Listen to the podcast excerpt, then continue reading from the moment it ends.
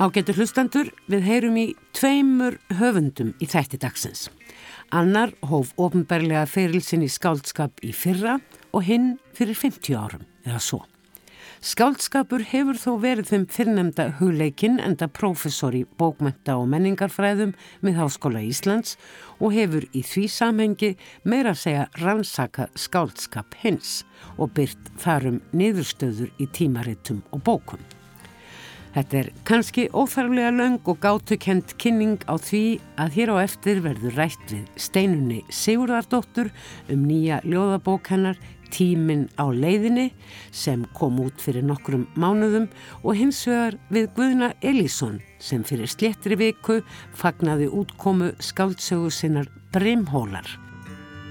Það verður að segjast eins og er að það kemur á óvart að Guðni Elísson skuli nú aðeins ári eftir að frumraunin Ljóskildran sem öruglega var þykkast að skáltsaga síðasta ás kom út senda frá sér nýja bók. Kanski var Ljóskildran ís jakin og nú komið að toppnum á jakanum. Því ástarsagan Brimhólar er ekki hálfdrættingur að efnislegu magni á við Ljóskildruna. Steinun Siguradóttir telst til höfuðskálda íslenskra, marg verlönuð heima og í útlöndum fyrir skáldskap á sínum hálfaraldar ferli sem hóst með ljóðabókinni Sífellum árið 1969 og telur nú meira en 30 verk sögur jamt sem leikrit og ljóð. Við heyrum í steinunni eftir 20 mínútur eða svo því fyrst bregðum við okkur í bókabúð yðu Simsen síðastliðið mánundag þar sem Guðni Elísson hefur orðið.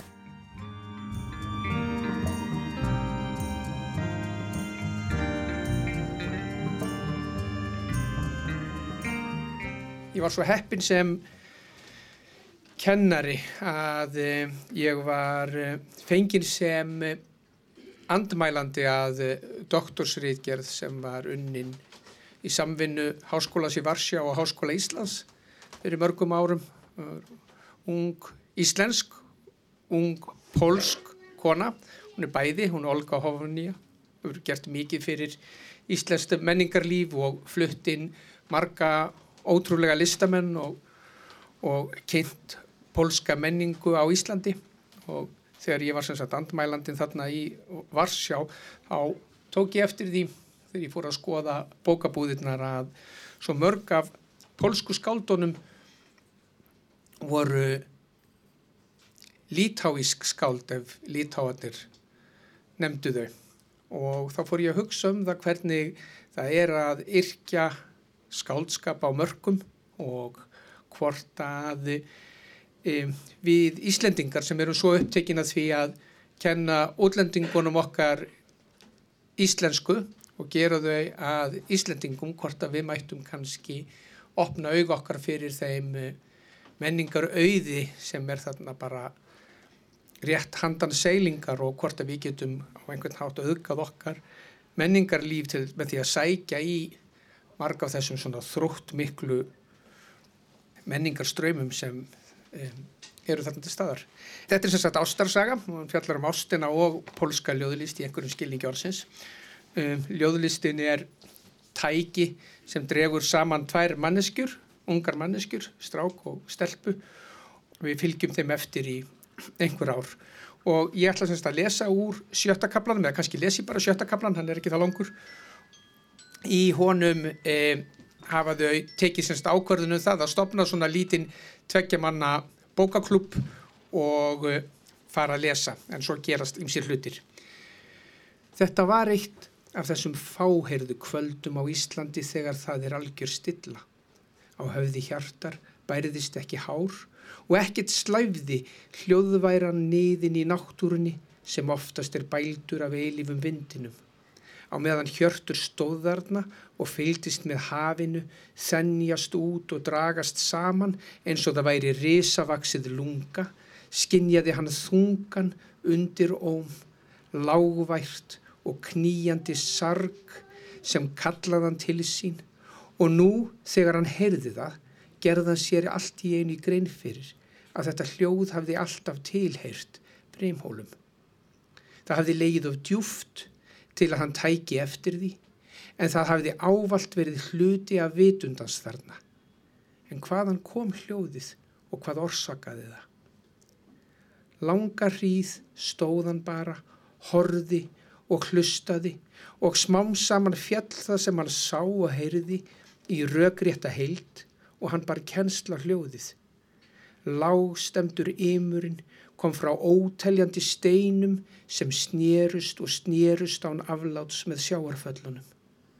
Ring eftir ring snérist grjótið á ströndinni eins og það hefði gert í þúsundir ára, allt þar til hver einasta steinvala var orðin gljáfægð af vatni og tíma.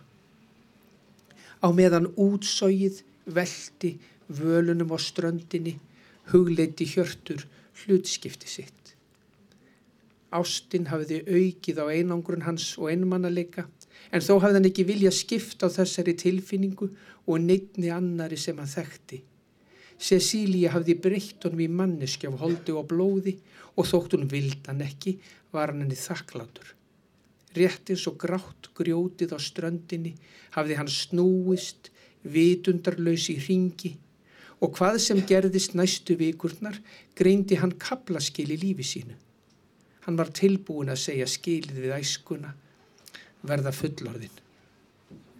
Hjörtur var að hugsa um það hvernig hver einasti dagur í lífi hans hafði fram að þessu verið jafn eintóna og grár og liturinn á endalösum steinunum sem nú snýrust í lágu surgi þegar hann kom auga á rauðbrúna steinvölu í flæðarmálinu og vegna þess að hún skar sig frá grámanum í grjótinu allt í kring tók hann upp. Hann strauk fingurgómunum yfir vott yfirborðið og bar lófan upp að vitum sér.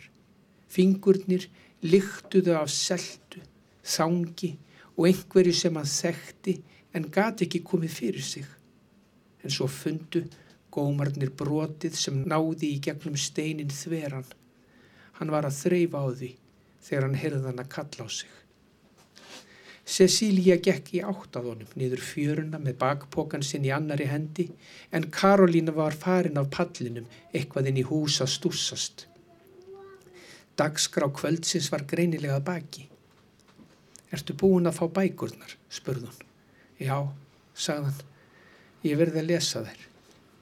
Ég veit við ætluðum að skoða þær saman. Ég hef bara... Ég ræð alveg fram úr þessu sjálfur. Það hefur verið erfitt fyrir mig að slíta mig lausa síðustu vikurnar en ég er ekkert búin að gleima því sem ég lofaði þér. Ertu búin að eignast eitt hvert eftirlæti skáld, spöðum svo, þegar hann svaraði henn ekki. Já, sagði Hjörtur. Adam Sagajevski. Ég er líka búin að lesa mikið í Herbert vegna þess að þú myndist á hann en ég les mest í Sagajevski. Kantu ljóðið um sundmannin, spurði Cecilia þennan sem leggur lófana saman og tekur þá í sundur eins og einstaklingur á bæn. Hjörtur þekkt ekki ljóðið en lofaði að kíkja á það strax þá um kvöldið ef það væri í einna bókunum sem hann hefði keift. Svo þögnuðu þau bæði og hann greip fastar um steinin í lófanum. Hvað ertu með þarna, spurðun? Bara stein. Ég ætlaði að flei honum. Þegar hann gerði sig líklega til þess að kasta völunni, bað hann frekar að sína sér hana og eitt augnablík fann hann hitan af hörundennar á meðan hann færði steinin úr einum lofa í annan. Já, sagðun, ég sé af hverðu þú vildir flei honum. Þetta er ljótur stein. Sétu sprunguna sem liggur um að miðjan. Um stund stóðuðu þarna og virtu fyrir sér völuna í lófennar það var í sjálfu sér engu við þetta að bæta og því kvattun og helt eini síns liðis yfir sandana. Takk fyrir. Við heilum hér brotur uppleistri Guðina Elíssonar í útgáfu fögnuði skáldsögu hans Breimhólar í yfir símsen í vikunni sem leið þar sem er tóst líka að eiga við hann stutt viðtal. Þú stökst þarna Guðina Elísson, já náttúrulega segja fyrst til hamingu með þessa sögu. Þakka þér fyrir. Þú stakst þarna svolítið inn í kjarnasögunar í þessum litla kabla sem þú last. Við hittum þarna uh, parið hinn ástföngnu nefnilega uh, hinn að pólsku verkastúlku og sægreifasónin sem að tengjast í gegnum bókmyndirnar. Þú sagðir í engangiðinum núna áðan að þessi bók hefði verið orðin til áður en ljóskildran var til. Ég spurði mig þegar ég var að lesa hana hvort að uh, þessi bók hefði svona ekki passað inn í ljóskildruna, inn í þann marglaga bálk sem að fjallar jú líka um ljóðið sem að þessi saga gerir ekki síður eða hvort hún hefði orðið til svona í tómarúmi og, mm. og eftir ljóskildruna þegar þú varst loksins bara frjáls. Mm -hmm. Sko stráttiltekið, þá er þessi bók annað bindið í þríleik sem ég er að vinnað og ekki þríleik í þessum kannski svona skilningi sem er lagður í þríleiki í dag þar sem maður er með sko sagnabálk sem tilherir einni frásagnarfræðilegri heild meira svona í þessum gamla skilningi til dæmis eins og æskiloss sett í þríleikina. Þar sem þú ert með þrjár sjálfstæðar bækur einhverjum svona tematík nákvæmlega, nákvæmlega sem allar snúa að einhverju tilteknu umfjöllunrefni mm. og e, þetta er svona önnur bókin í þessum þrýlaug fyrsta bókin er til og, uh, og þriðja bókin, ég er að vinna í þriðja bókin er núna. Þannig að e, hún en hún er allt öðruvísi já en, en ljóskildran bara því leiti að að svona sögu heimurinnar það hefur allt annan keim yfir sér heldur en, en heldur en sögu heimur ljóskildrunar setningaskipaninn öðruvísi tungutakið í einhverju skilningi. já, það er svona ég verði að viðkynna, ég las hana nú mjög hrætt ég fekk hana bara í gær og í dag er útgáfuhófið á mánu degi en uh, einna fjölmörgum þráðum ljóskildrunar er ljóðlistinn mm -hmm. Eh, og það er íslensk ljóðlist. Mm -hmm. Hér erum við komin með alþjóðlega ljóðlist, ekki bara pólska ljóðlist, heldur líka enska ljóðlist, mm -hmm. sögulega enska ljóðlist. Mm -hmm. Þú talaður um þríleik sem að byggði á einhverju kjarnaefni, er það ljóðið sem er kjarnaefnið hér, mér finnst það ekki vera ástin í þeim skilningin, en að ljóðið og ástin sé það sama það sem ég er mjög upptekinni í báðum bókum er það hvernig tekstar draga okkur saman hvernig tekstar bind okkur og tekstar geta bundið okkur á svo mörgum plönum um, þannig að sagt um Pálo og Francesco í, í þarna, einum af vítisringjum Dantes að, að það er bók sem dregur þetta saman það er mm. bók sem er þeirra Galahad mm. eða Galahad bar brefun á milli eh, elskendana í Rittarásauðunni og eitt af því sem ég, lang, sko, ég hef mjög mikið áhuga á að, að skoða er það hvernig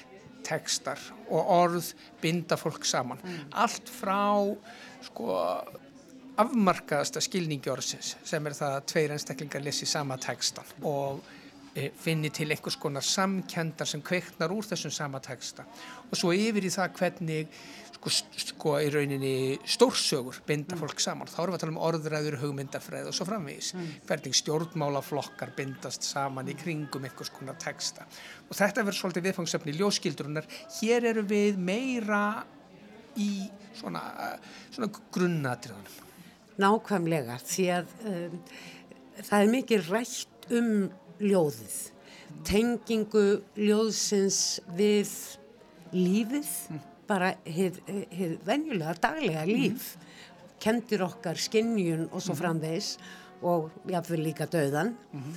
ekki satt því að mm -hmm. þetta nú líkur nú eh, hliði hlið personuna sjálfar hvernig komu þær í rauninni síðar þessir sem að þurft að bera upp þessar já, hugmyndir, þessar samræðu og svo framvegis -hmm eru það kannski afsprengi verbúðarnar vantaði skaldskapalegt framhald á verbúðinni. Það er aldrei að vita nema svo hafi verið. Ég get reynda sagt um hvernig þessi bók var til. Hún var til úr einni setningu.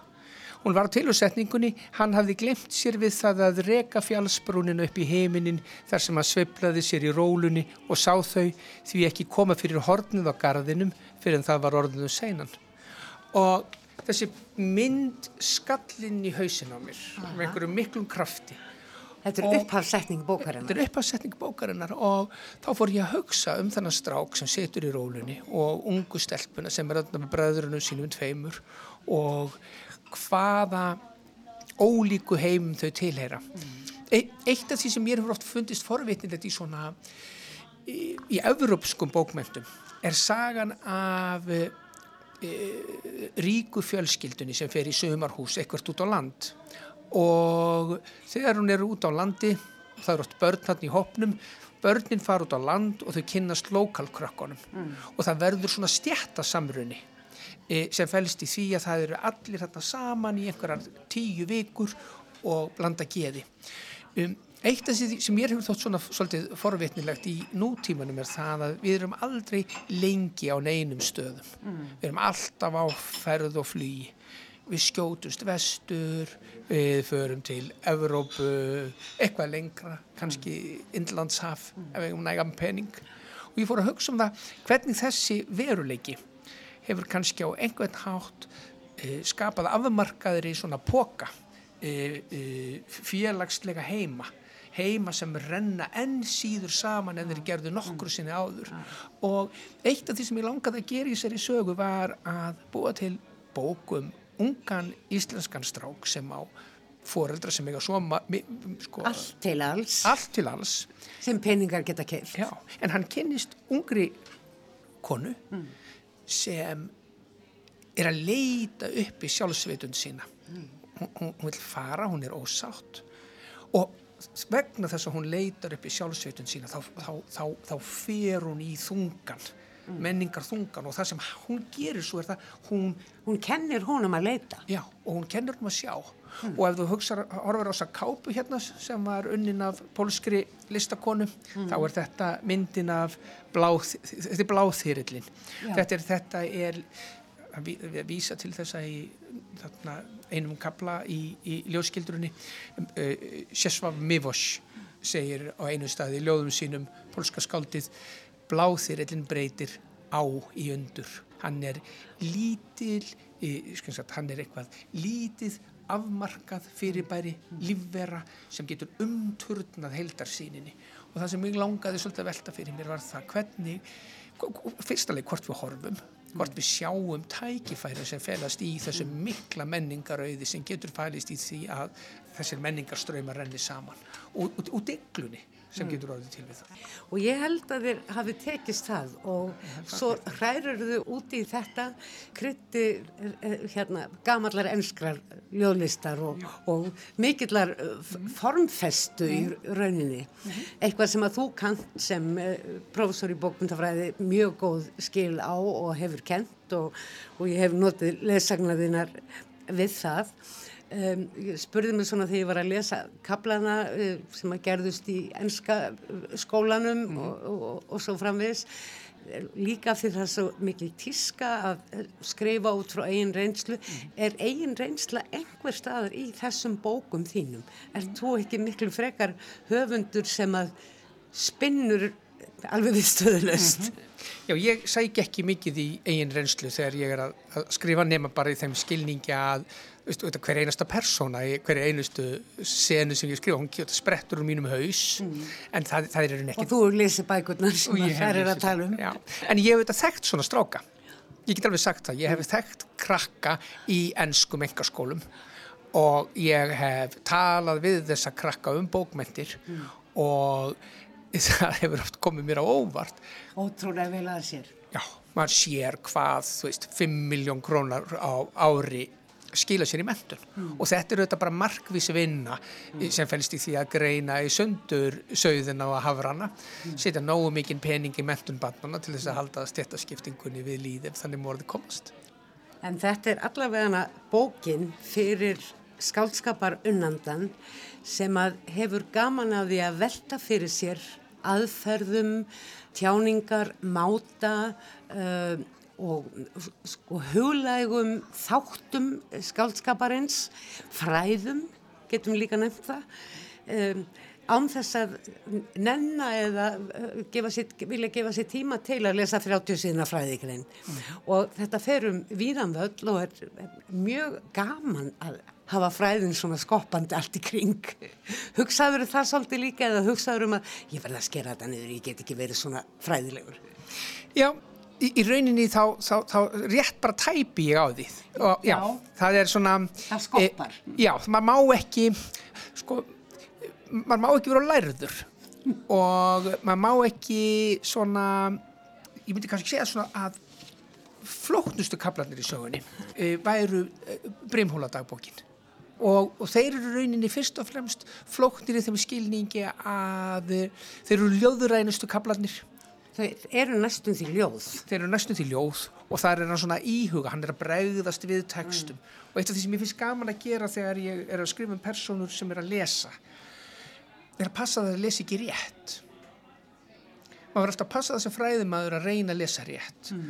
og koma textanum til skíla e, þegar þú ert að skrifa skáldskap þá finnst mér sko, skipta jafnvel meira mála að mm. koma textanum ekki rétt til skíla það er að segja að í bylinu millitekstans og tólkunarinnar spretti personusköpunin e, í því sem þú sérð og í því sem þú sérð ekki. Mm.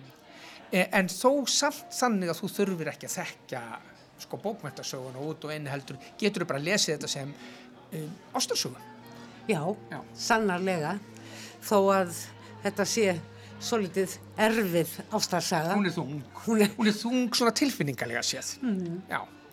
Þetta er ekkert happy end í þeim skilningi. Nei, þetta er harmræn ástarsaga. Þetta er harmræn ástarsaga en færir eigað síður aðalpersonunu mikinn fjársjóð. Já, má segja það. Guðin Elisson, kæra þakkir. Takk sömuleiðis.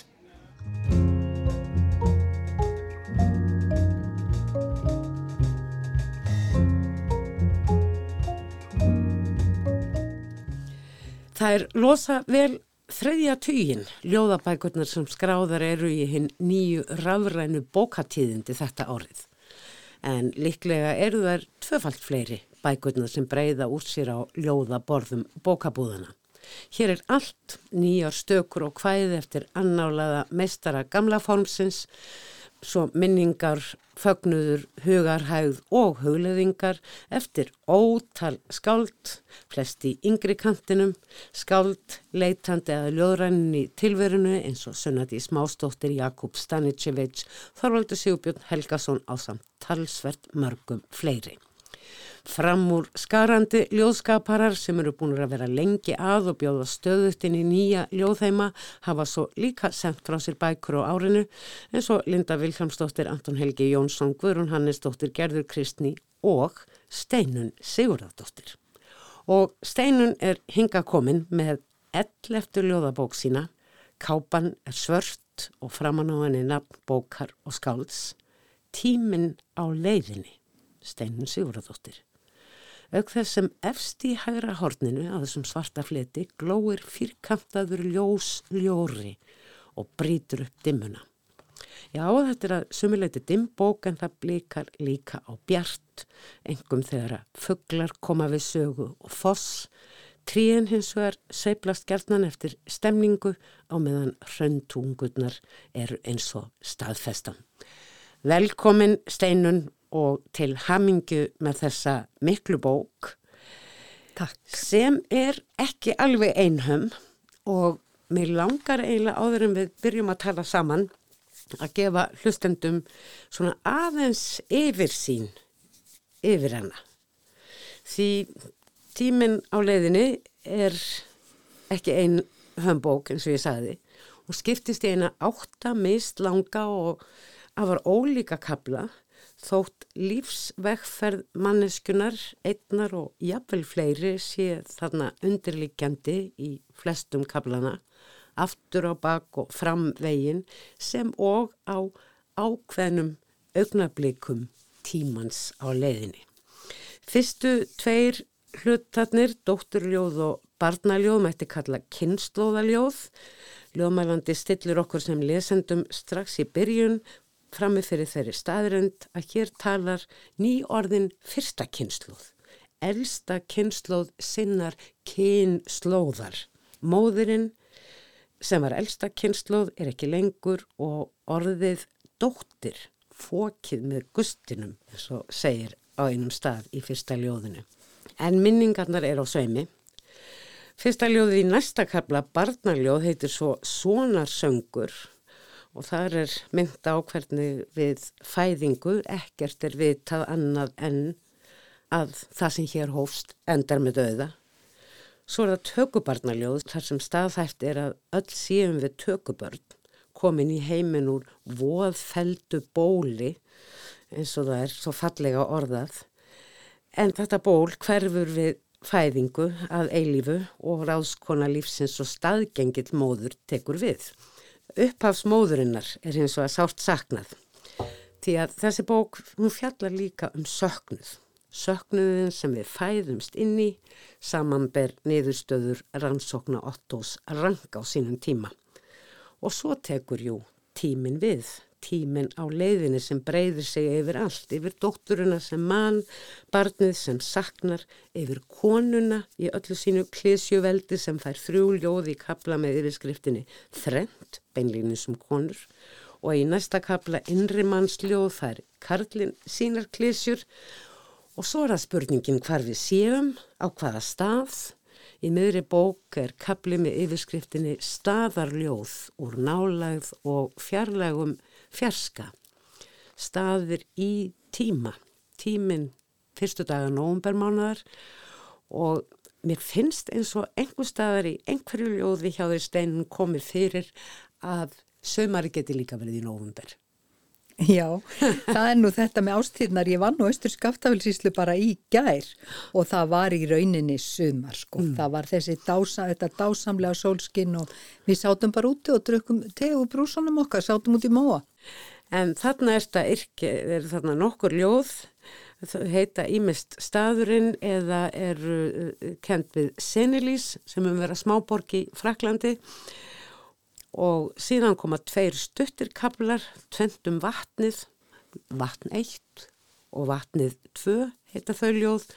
Svo er það einna mínum uppáhaldsköplum þrendum sorg og það sem vex og að lókum titilkaplin tímin á leiðinni sem hefst á ljóðinu Bekkarmót sem lýsir því hvernig tímin er misgrimma kvikindið sem að setur mark sitt á Bekkarfélagana alla.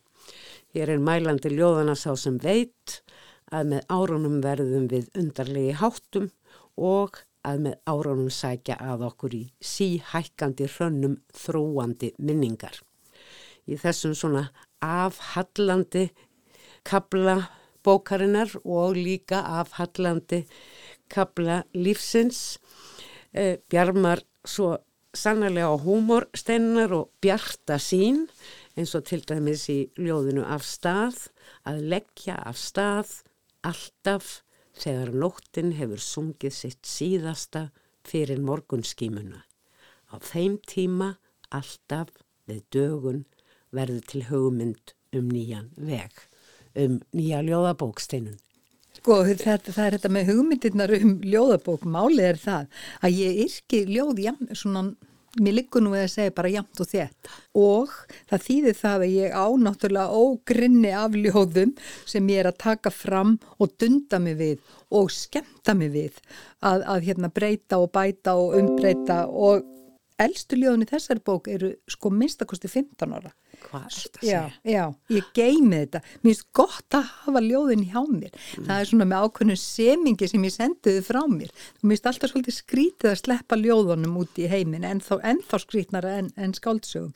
Og þessi ljóð eru orðin mjög hérna, persónuleg líka, miklu persónulegur en ég hef áður orðað ég held og öðru vísi sko. Mm. Þú ert einhvern veginn nærri sjálfrið þér, þú ert að yrkja þarna um foreldra þína, myndirnar þarna í fyrsta kaplanum uh, sem ekki verður hjá komist að koma upp í hugan þegar þau eru ekki lengur til staðar. Já, það er nefnilega þetta með foreldrana sko að þau fara ekki langt, alveg sama þóttu hverfi sjónum og ég hefði aldrei ekkert nefn verið á þeim nótum að yrkja um þau í rauninni fyrir en ég sá ekki það að þau eru mjög gott yrkisefni, það voru frábærlega frábært fólk og frumlegt og skemmtilegt. Og miklu náttúru unnendur ekki satt? Jú, þau voru það og svona opbástlega hérna veltalandi bæði og, og humoristar en það þurfti annars skáld til að vísa með veg, það var pólska stórskáldið Adam Sakajevski, hann orti um fóreldra sína, hann orti reyndar um þeirra personu enkenni sem ég kannski ekki beinlinis að gera sko. Og þá hugsaði með mér, já þetta er líka hægt.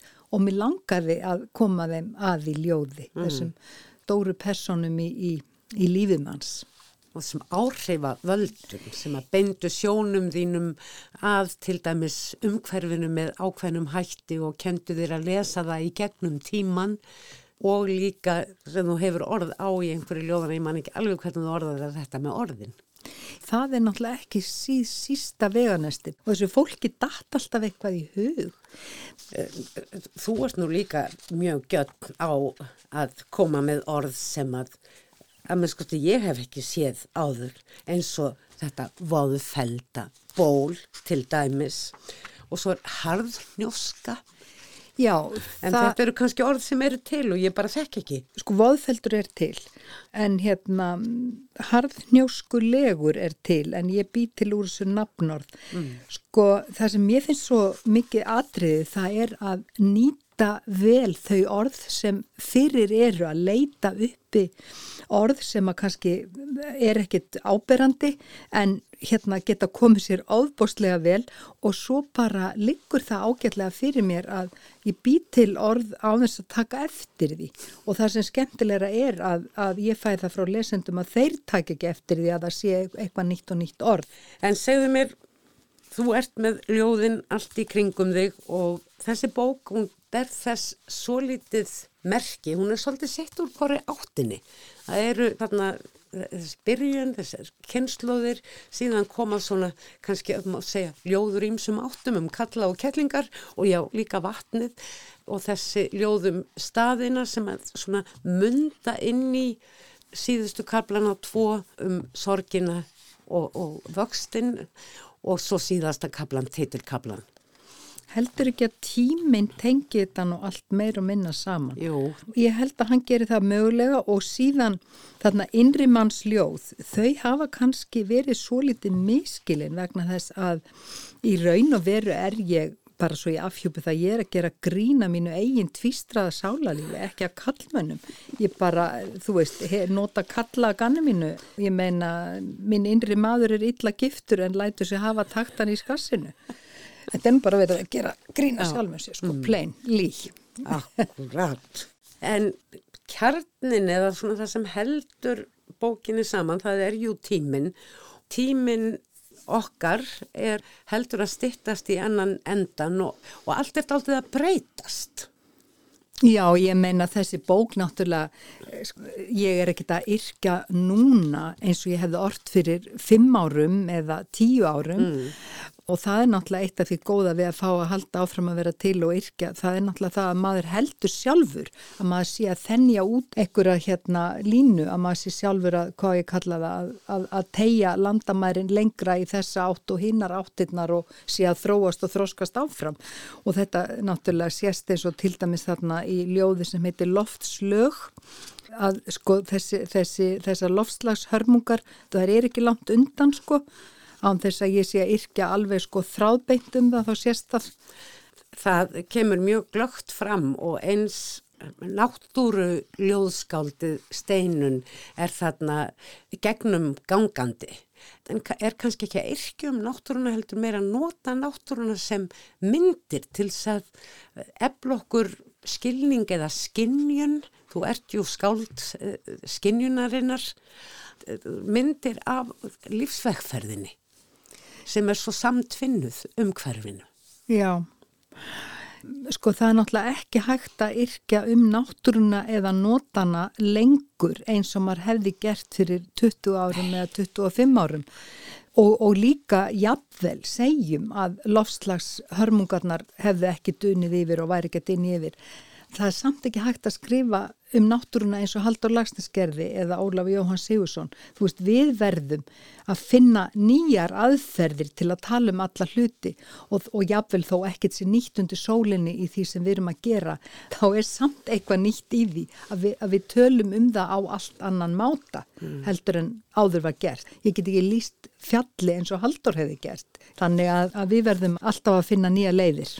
En til að yrkja að sömuleita um sömu hlutina og sömuleita alls ekki. Ég myndi til dæmis segja, sko heimsmyndin með lofslagshörmungunum, með flottamannarhyllingnum, hún er bara, hún er öll önnur heldur en hún var fyrir 15 árum. Þó að vísindamenn vissu það fyrir löngu, löngu, löngu hvað var að dinja yfir með, með hlínun jarðar en það var ekki tekið alvarlega af stjórnmálamönnum, fyrirtækjum og svo núna er staðrendin komin. Já, við höfum svolítið í okkar spjalli glimt ljóðunum sjálfum. Við verðum að fá eitt, tvö ljóð. Á ég að lesa til dæmis fyrsta ljóðið, Dótturljóð. Í það hefur verið vittna að verið gaman að heyra það. Þannig er það einmitt sem að hérna bæði þessi indis staður sem ég yrki svo um setna í bókinni kemur við sögu og svo hérna fóreldrar. Dótturljóð 1. Sól innum suðurdýr. Gespandi dóttir sem var ég. Nú komaðir til mín í ljómandi runu. Mordnarnir meðan ég var dóttir lifandi mömmu og pappa og drakk með þeim kaffið í ágústsól við foss. Það var malað um gestin, rjúpuna, um landnemi hlýðinni, bláklukku, meðan kongul og dagsins þeittist upp spunan og niður. En kemur sól innum suðurdyr, en orðið dóttir er nú fókið með gustinum. Horfin þau sem áttu dóttur, fættan á merk og sniðugum orðum, blessuðu mig með algjöri velvild undir heiminháu þakki, mamma, pappi. Þetta var, held ég, kynnslóða ljóð kynnslóðana eða kynnslóða ljóð kynnslóða ljóðana. En uh, það er svo margt sem hefur breyst á þessum allra síðustu árum, bæði í persónulegu lífi og í heiminum, í náttúrunni, í umhverfinu. Og þú fléttar þessu gerðnan saman, langaði í ljóð þar sem að náttúran tengir svo staðfastlega við einmitt uh, þetta sem við vorum að tala um loftslags uh, vána um, um skinnjunina á heiminum eins og hann er núna. Gæti það þá verið staðurinn 31. oktober? Þetta er sem sagt staðurinn sem að ég fekk að vera á með papp og mömmu og hef núna ennþá aðgangað og ég var einmitt að segja upp hafið þáttar eins að þarna var ég í, í gær og, og uh, þá var hvað 7. november og Þetta ljóð heitir staðurinn 31. oktober, sami ástímin.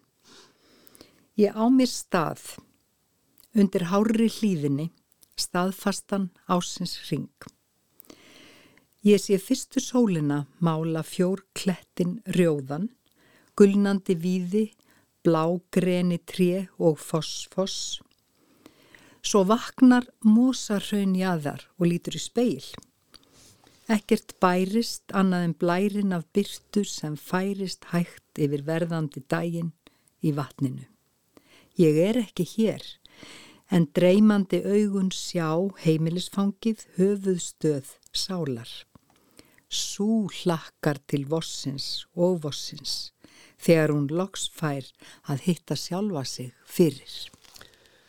Mér finnst næstum því þetta ljóð hefði geta verið einhvers konar forleikur, overtýri að þessari bók. Hér kemur eiginlega allt saman sem að bókin hverfist um. Já, það, ég skal bara skrifa undi það.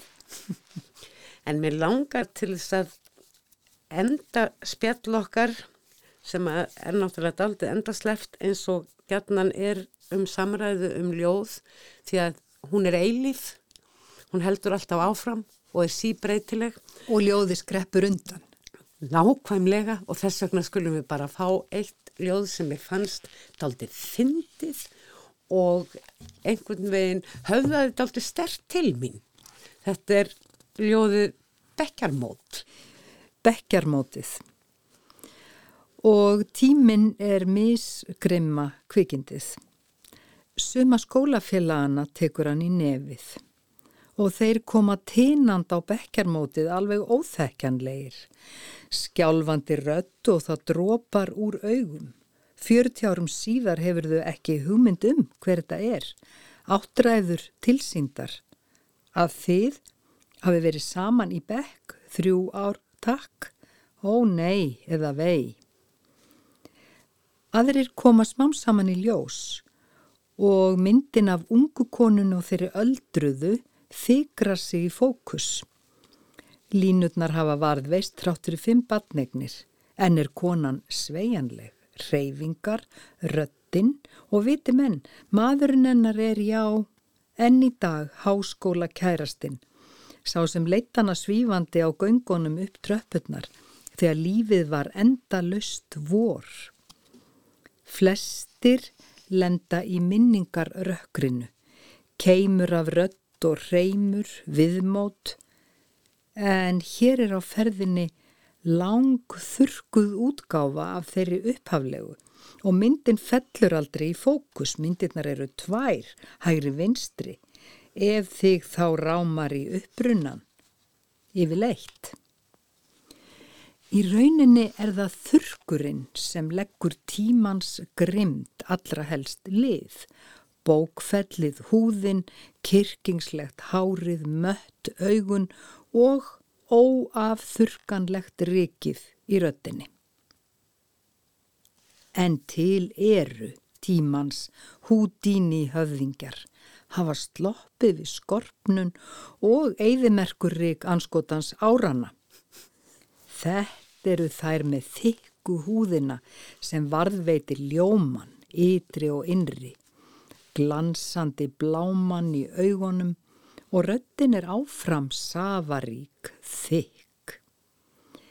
Þessi skólafélagar, sigur vegarar tímans, konur, eru vel í holdum sem fyrr, með óbrótgjant konganef, fráleitt smáfríðar hafa náð lánt. Rómsterkar háskólakonur, ballausar, egnuðust mannin seint. maður sér þetta næstuði fyrir sér eins og teiknumyndasögu Já, það er alveg óhætt. Ertu enþá með fullar möppur og ljóðum í tölvunniðinni? Já, ég á alltaf, alltaf fullt af þeim og það er svolítið skrítið það er eins og að veiti mér ákveðna öryggistilfinningu að vera alltaf með, með hérna bunkana og það er mikið líf og indi hjá mér líka eiga við ljóðin og ég get sko alveg verið að hræra í ljóði sem ég orti fyrir mjög löngu síðan, sko, get ennþá gert það. En það er að vísu getur verið svolítið varasamt vegna þess að kannski mann var ekki nákvæmlega hvað maður var að hugsa þegar maður byrjaði. Mm. En na, sá sem getur ekki látið texta í fríði, hann er náttúrulega bara ólæknandi og ekkert við því að segja. Mm. Ég vinn á hverjum einasta degið og bara morgunin er minn tími og svo get ég farið að gera eitthvað annað þegar síðdegi kemur. Mm. Kæra þakkir Steinun fyrir komin í þáttin og kæra þakkir fyrir tíman á leiðinni. Takk. Fleiri verða orðum bækur ekki að þessu sinni, mynd skal á heimasíðu þáttarins, rúf.is skástrygg orðum bækur í einu orði þar sem einstök viðtöl eru aðgengileg oft í lengri gerð. Takk fyrir að hlusta hér og nú en tæknimaður þessa þáttar var Kormákur Marðarsson verði sæl.